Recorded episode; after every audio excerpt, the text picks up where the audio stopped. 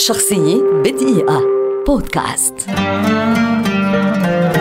نادين لبكي مخرجة سينمائية وممثلة لبنانية شهيرة ولدت عام 1974 وتعد من أبرز وجوه صناعة الأفلام في العالم العربي في العقدين الأخيرين. درست الإعلام في بيروت ثم اتجهت إلى إخراج الإعلانات والفيديو كليب قبل أن تخرج فيلمها الروائي الطويل الأول سكر بنات أو كراميل الذي عرض لأول مرة في مهرجان كان السينمائي عام 2007 وكان ناجحا تجاريا ونقديا وحصد جوائز هامة حول العالم ووضعها في قائمة أفضل عشرة مخرجين في مهرجان ساندانس السينمائي. عام 2011 أخرجت لبكي ولعبت دور البطولة في فيلمها الثاني وهلأ لوين الذي حقق بدوره نجاحا استثنائيا إذ نال جائزة اختيار الجمهور في مهرجان تورونتو السينمائي الدولي وقد تم ترشيحه لجائزة أفضل فيلم أجنبي باختيار النقاد في لوس أنجلوس ونال استحسانا كبيرا في كان ومهرجانات عالمية أخرى. عام 2018 أبهرت نادين لبك العالم بتحفتها السينمائية التراجيدية الواقعية المؤلمة كفرناحوم